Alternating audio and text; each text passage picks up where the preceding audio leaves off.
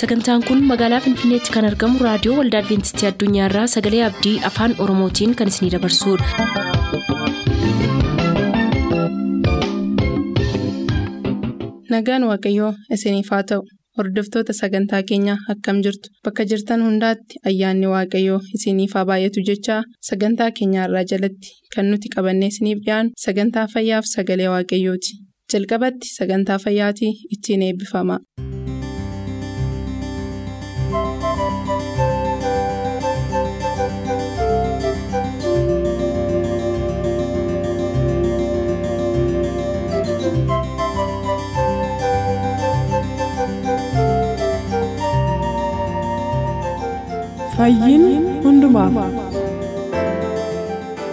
Nagaan Waaqayyoo bakka jirtan maratti isin haa qaqqabu kabajamoo dhaggeeffatoota keenyaa akkam jirtu? Kun qophii gorsa fayyaati qophii keenya isa darbe irratti dhimma fayyaa waliigalaa irratti of eeggannoo namni dhuunfaa tokko gochuu qabu isiniif dhiyeessaa turuu keenya ni yaadattu jedheen abdii qaba.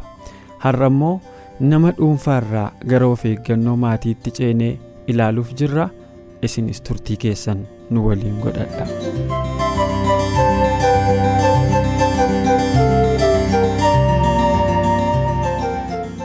dhaabbati kamiyyuu kan irraa jalqabu kan mana kadhaas haa ta'u kan biraas haa ta'u kan inni irraa jalqabu maatii uumadha maatiin egaamee waa'ee ergaa fayyaa kana piroomotii gochuu keessatti ijoollee isaatti dabarsuu keessatti ga'ee maatii maalii maatii wajjin ol qabsiisiiti waa'ee ergaa fayyaa kana dhaggeeffatoota keenyaaf dhaamsa biraan nuu ga'i. Tole girmaa'ee baay'ee galatoomii gaafii baay'ee barbaachisaa ta'ee gaafii bu'uuraa isa jedhamu gaafii jalqabaati. Namni hundinuu irratti yaaduu ka qabu. Tarii atuu dubbatteetta jalqabni organaayizeeshinii yookiin ammoo waajjira kamiyyuu mootummaas miti mootummaa maatiidha dhugaadha. Barnoota kamiin keessatti illee argita isa kana. Kanaafuu. Maatiin guddisee barbaachisaadha. Habiitiin namaa laayifstaayiliin namaa yookiin jiruuf jireenyi mucaa takka akka qajeelee guddatu akka badullee ka taasisu maatiidha. Dhiibbaan maatii guddisee barbaachisa. Kanaafis akkas jettee barreessiteetti Ilinjaayiti. Kitaaba tajaajila fayyisuu dhibba sadiif torbaatamii lama irratti waan barreeffamee jira. White emphasize.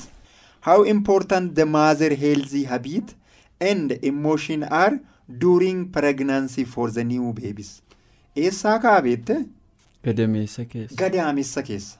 Daamattii sanii yookiin daa'ima sanii fi haalatiin haati sun itti jiraattu habiitiin yookiin taateewwan wantoonni isiin xiqqoo irraa haga guddatti taasiftu hojjattu jiraattu piraaktiisiin illee wanti isiin hojjattu nyaatuun illee wanti isiin hojjattu.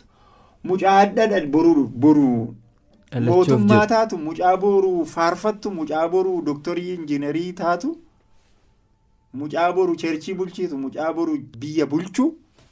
Dhiibbaa irra geggeessu qaba jechuudha. Kanaafuu baay'ee murteessaadha. Even immooshinii isaa keessa isaa yaada isaa baay'ee barbaachisa. She by whose life blood the child is nourished. And it is physical frame built up in part to it is also mental and spiritual influence that tends to the shape of mind and character. Sammuu akkasuma ammoo amala amala mucaa mucayyoo sanii adhuma dhufee tarii akkuma dura dubbanne haala jiruuf jireenyaatiif naannoo jijjiiruun jiruuf jireenya jijjiiruun waan garaa isii keessatti jeeneetikii jecha maatiirraa waan fudhate sana.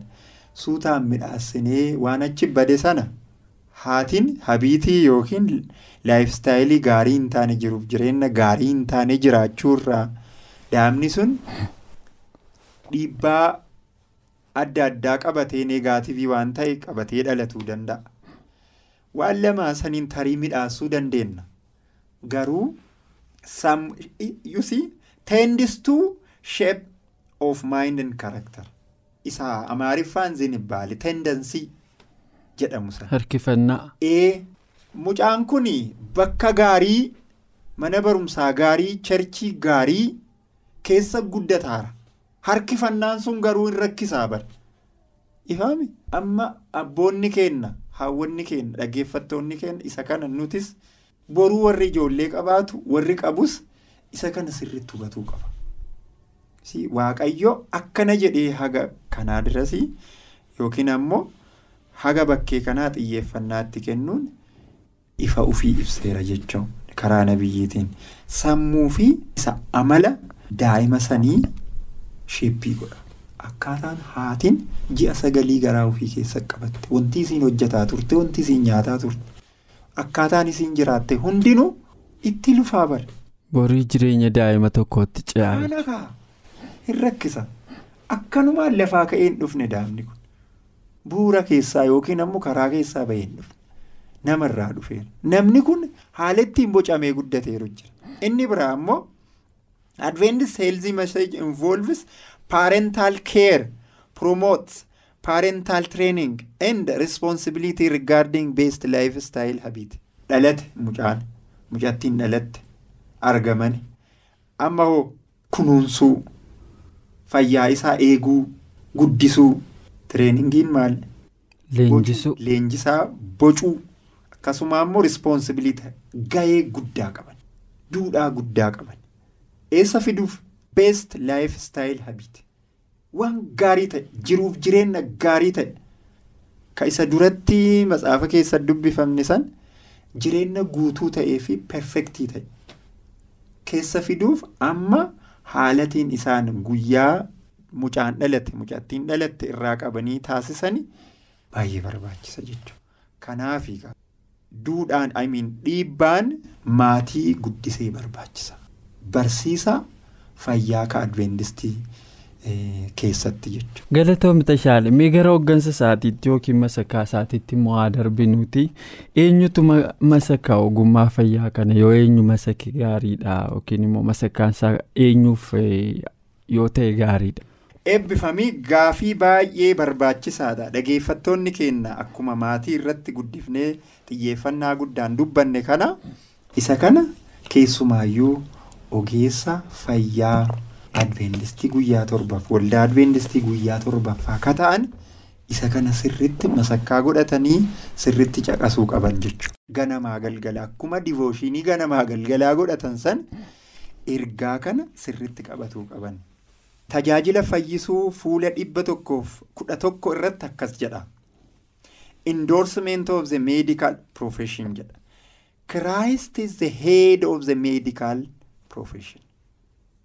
Kitaaba amma jedhe kana tajaajila fayyisuu fuula dhibba tokkoof kudha tokko irratti gooftaan yesus kiristoos heeddii mataa bulchiinsa guddaa akka ta'e eenyuti warra ogummaa fayyaa meedikaalaa qabaniiti jedha. Maaf akka ta'e hoomaan kennaan beekna jechuudha. Kitaaba meedikaal mishiinarii jedhu irratti akkas jedhee kaa'eera. Uduu haarawummaan guutuun haarawummaan dhugaa rivaayivaaliin riifoormeeshiniin dhugaa uduu hin dhufneen dura dammaqinsinii fi haara'uma jedhamaa miti dhugaa uduu hin dhufneen dura inni guddaan akka gaariitti kan fayyadu lubbuu deebisuuf lubbuu argachuuf lubboota gara yesuusii wiin godhuuf fiduufi kan fayyadu hujii meedikaal mishiinarii kana jedha hujii ergaa fayyaa barsiisuuti. so amma namoonni kun hennaa meedikaal doktorii ta'anii hennaa neersii ta'anii hennaa sisterii ta'anii hennaa Qondaala fayyaa. yaala fayyaa yookiin ammoo HO jedhamanii hennaa hawaasaaf tajaajilan sektara adda addaarra hennaa tajaajilan gooftaan yesus akka masakkaa fayyisaa isa guddaa ta'e haakimii isa guddaa biyya lafaa kanatti illee akka ta'e hubatuu qaban namootaaf illee ibsuu qaban.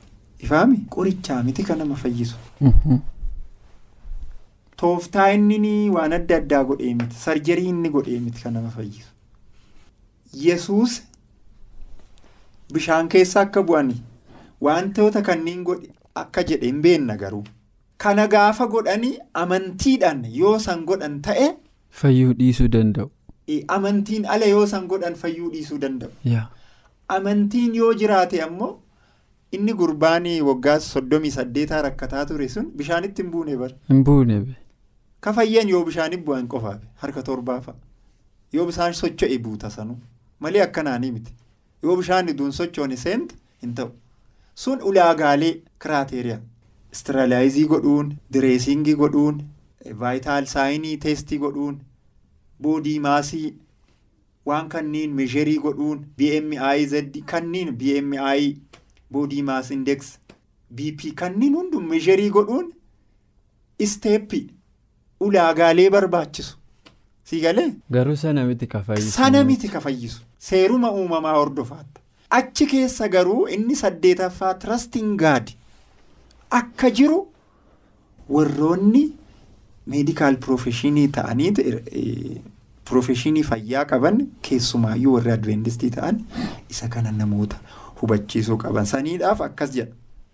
There have been some sincere but sturdy people that condemn the medical practices on behalf of the Adventist health message.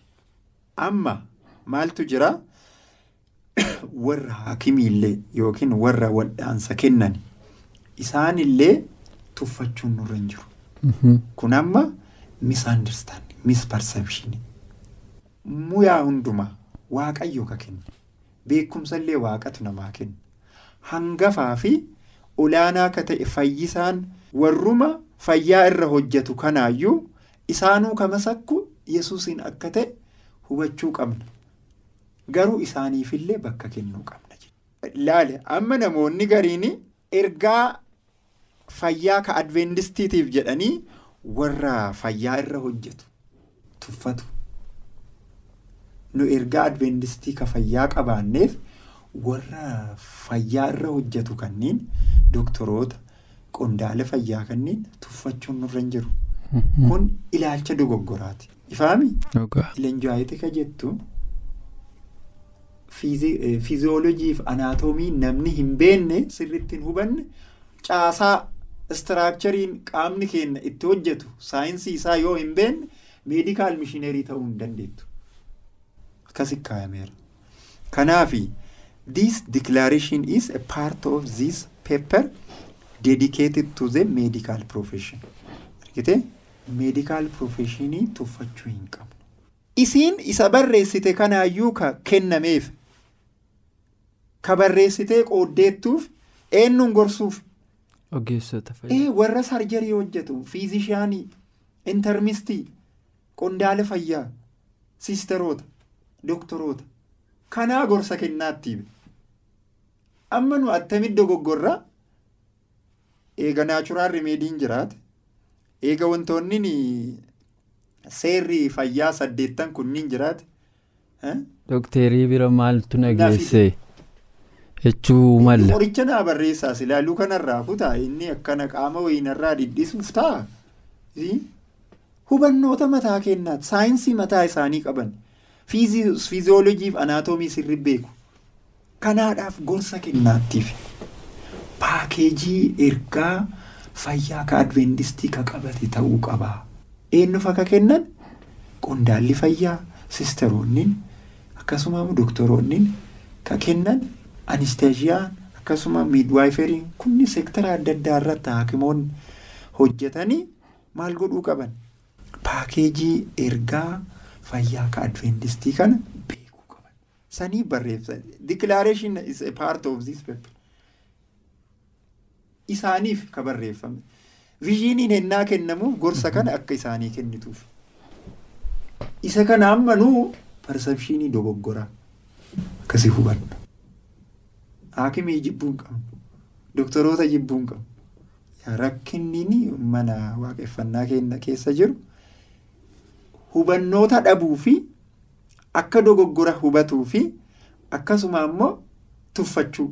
Kiriitizizimiin jira, fenatizizimiin jira, akkaataa itti barsiisaarru gayaa kan taane akkaataa itti barsiisuu qabnu gayaa ka ta'e maallaataa sa'aatiin nu gahuu dhabuu danda'a. Turtii sagantaa keenya waliin qabaattaniin hedduu eebbifamtanittu jedheen abdii qabaa har'aaf kan jenne garuu asirratti yoo goolabnu qophii fayyaa ittaanuun deebinee amma wal arginutti asumaan nagaatti isiniin jenna nagaan naaf tura.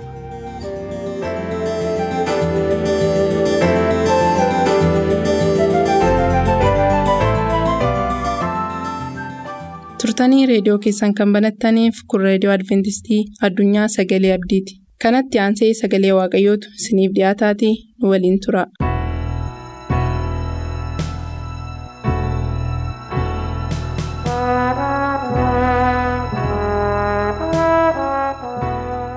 kabajamoof jaallatamoo hordoftoota sagalee abdii akkam jirtu nagaa keessanii inni bakka jiraannu hundumaatti nagaa nuuf kenne abbaan keenya inni samii bara baraan maqaan isaa kan eebbifame haa ta'u yeroo darbee mata dureewwan bishaan jireenyaa nu taasisi jedhu jalatti kutaa tokkoffaaf kutaa lammaffaa walii wajjiniin ilaallee dabarre kutaawwan sana keessatti dogoggora mootiin tsadeeqiyaa godheeni akkamittiin. Biyyi waaqayyoo Yerusaalem mandarri waaqayyoo Yihudaanii akkaataa kamiin akka booji'amtee mootichis badiin guddaa akkamittiin akkasarra ga'e ijoollonni isaa akka dhuman akkuma kana immoo mandaraan Yerusaalem qabeenyi ishee manni qulqullummaa waaqayyoo wanti isa keessa jiru hundinuu akkaataa kamiin akka inni booji'amee gara Baabilooniin deeme agarreerra. Kana hundumaaf immoo sababa kan ta'e cubbuu gochuu. ulfina waaqayyootiif waan hin taane gochuu mootichaa Tsedeeqiyaa akka ta'e ilaallee ittiin of ilaallee dabarre jechuudha. Har'as kutaa sadaffaa kana walii wajjiniin itti fufna jechuudha. Mee osoo kitaaba qulqulluu keenya keessaa itti fufnee walii wajjiniin ilaaleen bakka bakka jirrutti ulfina waaqayyootiif jennee mataa keenya gadi qabannee walii wajjiniin akka kadhanna. Eegaa keenya geggeessaa keenya abbaa keenya isa bara baraasa taate abbaa keenya. Baay'ifnee guddifnee si galateeffanna. Ati nu wajjin jiraachuu keetiin addunyaa nagaa hin qabne keessatti eegamne har'a geenye maqaa gooftaa yesuusin bara baraan maqaan kee kan eebbifame haa ta'u. Ammoo carraa lammata fuula kee duratti dhiyaachuu, sirraa barachuu, qalbii jijjiirrachuu, si galateeffachuu dabaltee waan nu laatteef. Jiraachuu keenya hundumaaf sababa waan taateef. Maqaa gooftaa yesuusin bara baraan filannii ulfinni siif haa baay'atu. Sa'aatii kana. Sagalee kee keessaa yommuu walii wajjiniin dubbifannu hafuurri kee anattis hordoftoota sagantaa kanaa hundumaa bakka bakka isaan jiranitti akka dubbatuuf jaalala kee haa ta'u. As keessatti ulfinni nama tokko akka mul'atu hin barbaannu. Ulfinni sagalee keetii, ulfinni kee qofaan akka mul'atuuf ati nu gargaari. Siif amanamnee jiraachuu nu dandeessisi. Maqaa lama kee gooftaa yesuusin Ameen. Egaan akkuma mata duree irratti kaasuudhaaf yaale bishaan jireenyaa nu taasise kan jedhu kana keessatti har'a kutaa sadaffaa ilaalla jechuudha. Akkuma yeroo darbe ilaalle mootiin Baabiloon kuni yommuu dhufee Yerusaalemiin marsee Yerusaalemiin marsuu qofa immoo miti dhumarratti waggaa lama olmost gara waggaa sadii eega ture booddee magaalattii yommuu inni marsee rukutee balleessee mandara ishee hundumaa diigee qabeenya ishee hundumaa booji'ee yommuu inni deeme agarra jechuudha. Kan nama agaddisiisu boqonnaa 25 lakkoofsa sagal irratti jechuudha. Lammaffaa mootota irra deebi'ee yoon dubbise maalidhaa? Mana qulqullummaa, mana mootummaa, manneen namoota gurguddootaa hundumaa manneen Yerusaalem keessa jiran hunduma gubee hin balleessedha. Hojiin diinaa maalidhaa? Gubuudha balleessuudha waan ta'eef jechuudha. Kun egaa biyya Waaqayyoo kan jedhamtu mandara Waaqayyoo magaalaa Waaqayyoo kan jedhamtu Yerusaalem keessatti taatee ta'edha jechuudha. Egaa mootiin kun eega akka godhe booddee ofii isaatii maal ta'e kan jedhu yommuu itti ilaallu mootiin kan biraa mootiin Saariyoos jedhamu mootummaa Baabilooniin yommuu inni dhufee rukutu ilaalla jechuudha. Irra kutaa kana keessaa gara ba'uutti adeemna. Caalaatti yeroo darbe kan hin kaase gara Isqeel boqonnaa afurtamii torbaatti adeemaa adeemna waan ta'eef jechuudha. Eega sabni suni waggaa torbaatamaa fi harka boojuu jala turanii booddee mootiin Saariyoos kun yommuu inni dhufee magaalaa Baabilooniin rukute eega dhufee booddee maal godhadhaa? Masaraa magaalattii hin manneen isaanii hin diiganii namoota baay'ee hin balleessan jechuudha. Waan isaan Yerusaalem irratti raawwatan hundumaa Waaqayyo ijaa baafatee warra Baabiloon irratti yommuu inni raawwatu agarra jechuudha. Sana booddee maaltu ta'e mootiin Ormaa kun mootiin Saariyoos kun eega dhufee mootummaa Baabilooniin qabatee booddee warra Ibrootaa akka isaan gara biyya isaaniitti galan taasise jechuudha. Galanni waaqayyoof haa ta'u. Amma mirga qabdu warri mootiin Baabiloon isin booji'ee biyya kana keessa jiraattan sabni Yihudaas magaalaa Yerusaalemii kan dhuftan hundi keessaniyyuu biyya keessanitti deebi'aa jechuudha. Waggaa torbaatama booddee sabni kun yommuu isaan deebi'anii gara mandara isaaniitti dhufanii maal argan? Masaraa diigamee, mana qulqullummaa diigamee, lafee namoota yeroo sana lola irratti rukutamanii bakkeetti goggogee badee, mana qulqullummaa isa gubatee. Wanti hafe tokko hin jiru jechuudha.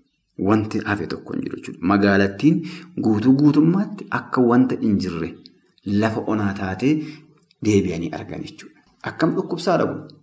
Akkam garaa nama nyaata?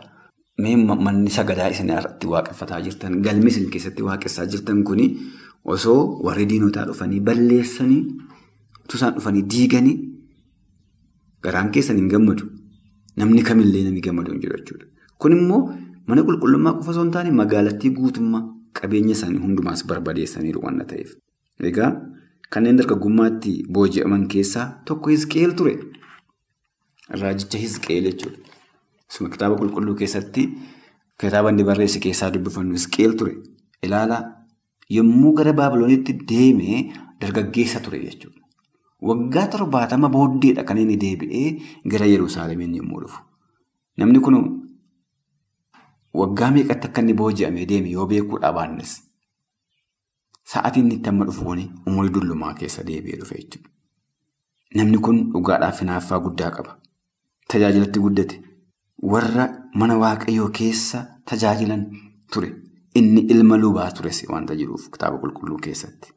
Manni qulqullummaa inni dur beeku akka isaa duraa miti. Bakka isaa duraa hin jiru. Haalli hundumtuu diigameera, gubateera. Magaalattiin tuullaa kosii fakkaatti jechuudha. Wanti inni iddoo hundumaa itti argu asiif achi keessa deemee naanna'ee wanti argu kun hundinuu waan garaa isa dhukkubsu ture jechuudha. Iddoon aarsaa hin jiru. Magaalattii keessatti lallabni hin jiru. Faarfannaan hin jiru. Haalli hundinuu kan diigameef kan bade iddoodhaa kan gadhiise ture. Manni Solomoonii haala ajaa'ibaatiin ijaare sun hundinuu akka lafa onaa ta'e jechuudha. Diigameetu iddoon wanti inni jiru hundinuyyuu diigamee akka hin jirre ta'e waan ta'eef baay'ee gadde garaansaa baay'ee dhukkubsate Hisqeeliin kana ilaaluun baay'ee itti ulfaateedha. Obboloota koo kun hundinuu maaliif ta'e sababa cubbuu. Cubbuu mootichi inni biyyicha geggeessu Sadeeqiyaan raawwatarraa kan ka'e waaqayyo kana ilaaluu jibbee mandaratti biyyatti dabarse harka Baabiloonitti kenne warri Baabiloon immoo magaalattiin akka isheen hin jirre godhan jechuudha. Cubbuun mana waaqayyoo mandara waaqayyoo onse jechuudha. Saba waaqayyoo bittimse jechuudha. Tajaajila mana waaqayyoo keessaa addaan kute jechuudha. Yommuu Hisqeel deebi'ee dhufu lubi lallabu hin jiru. Lubi barsiisu hin jiru. Namni aarsaa dhiyeessu hin jiru. Iddoon aarsaa hin jiru. Iddoon lallabaa hin jiru. Tajaajilli mana waaqayyoo keessaa guutuu guutummaatti dhaabbatee jira. Kan Hisqeeliin boqonnaa dhorkeedha. Kana ilaaluun boqonnaa isa dhorkeedha. Baay'ee nama gaddisiisa obboloota ko. Ijaarsi namoonni biyya adda addaatii dhufanii ilaalanii dinqisiifachaa turan manni qulqullummaa Yerusaalem inni haala ajaa'ibaatiin waaqayyo ogummaa kenneef karaa Solomoon ijaarame sun har'a tuullaa dhagaa ta'e jechuudha. Kan isin ajaa'ibu boqonnaa 25 kana keessa isa lammaffaa moototaa yommuu ilaaltanii caccabsanii sibiila isaa warqii isaa wanta manichi qulqullummaan irraa ijaarame hundumaa yommuu isaan loltoonni baabiloon sun fudhatan agarra jechuudha. Waan isaan hambisan tokkollee hin jiru jechuudha. Tokko hin hambisne jechuudha. Akkuma madda galii ture biyyoota adda addaatiyyuu namoonni dhufanii naanna'anii dinqisiifataniitu ilaalu.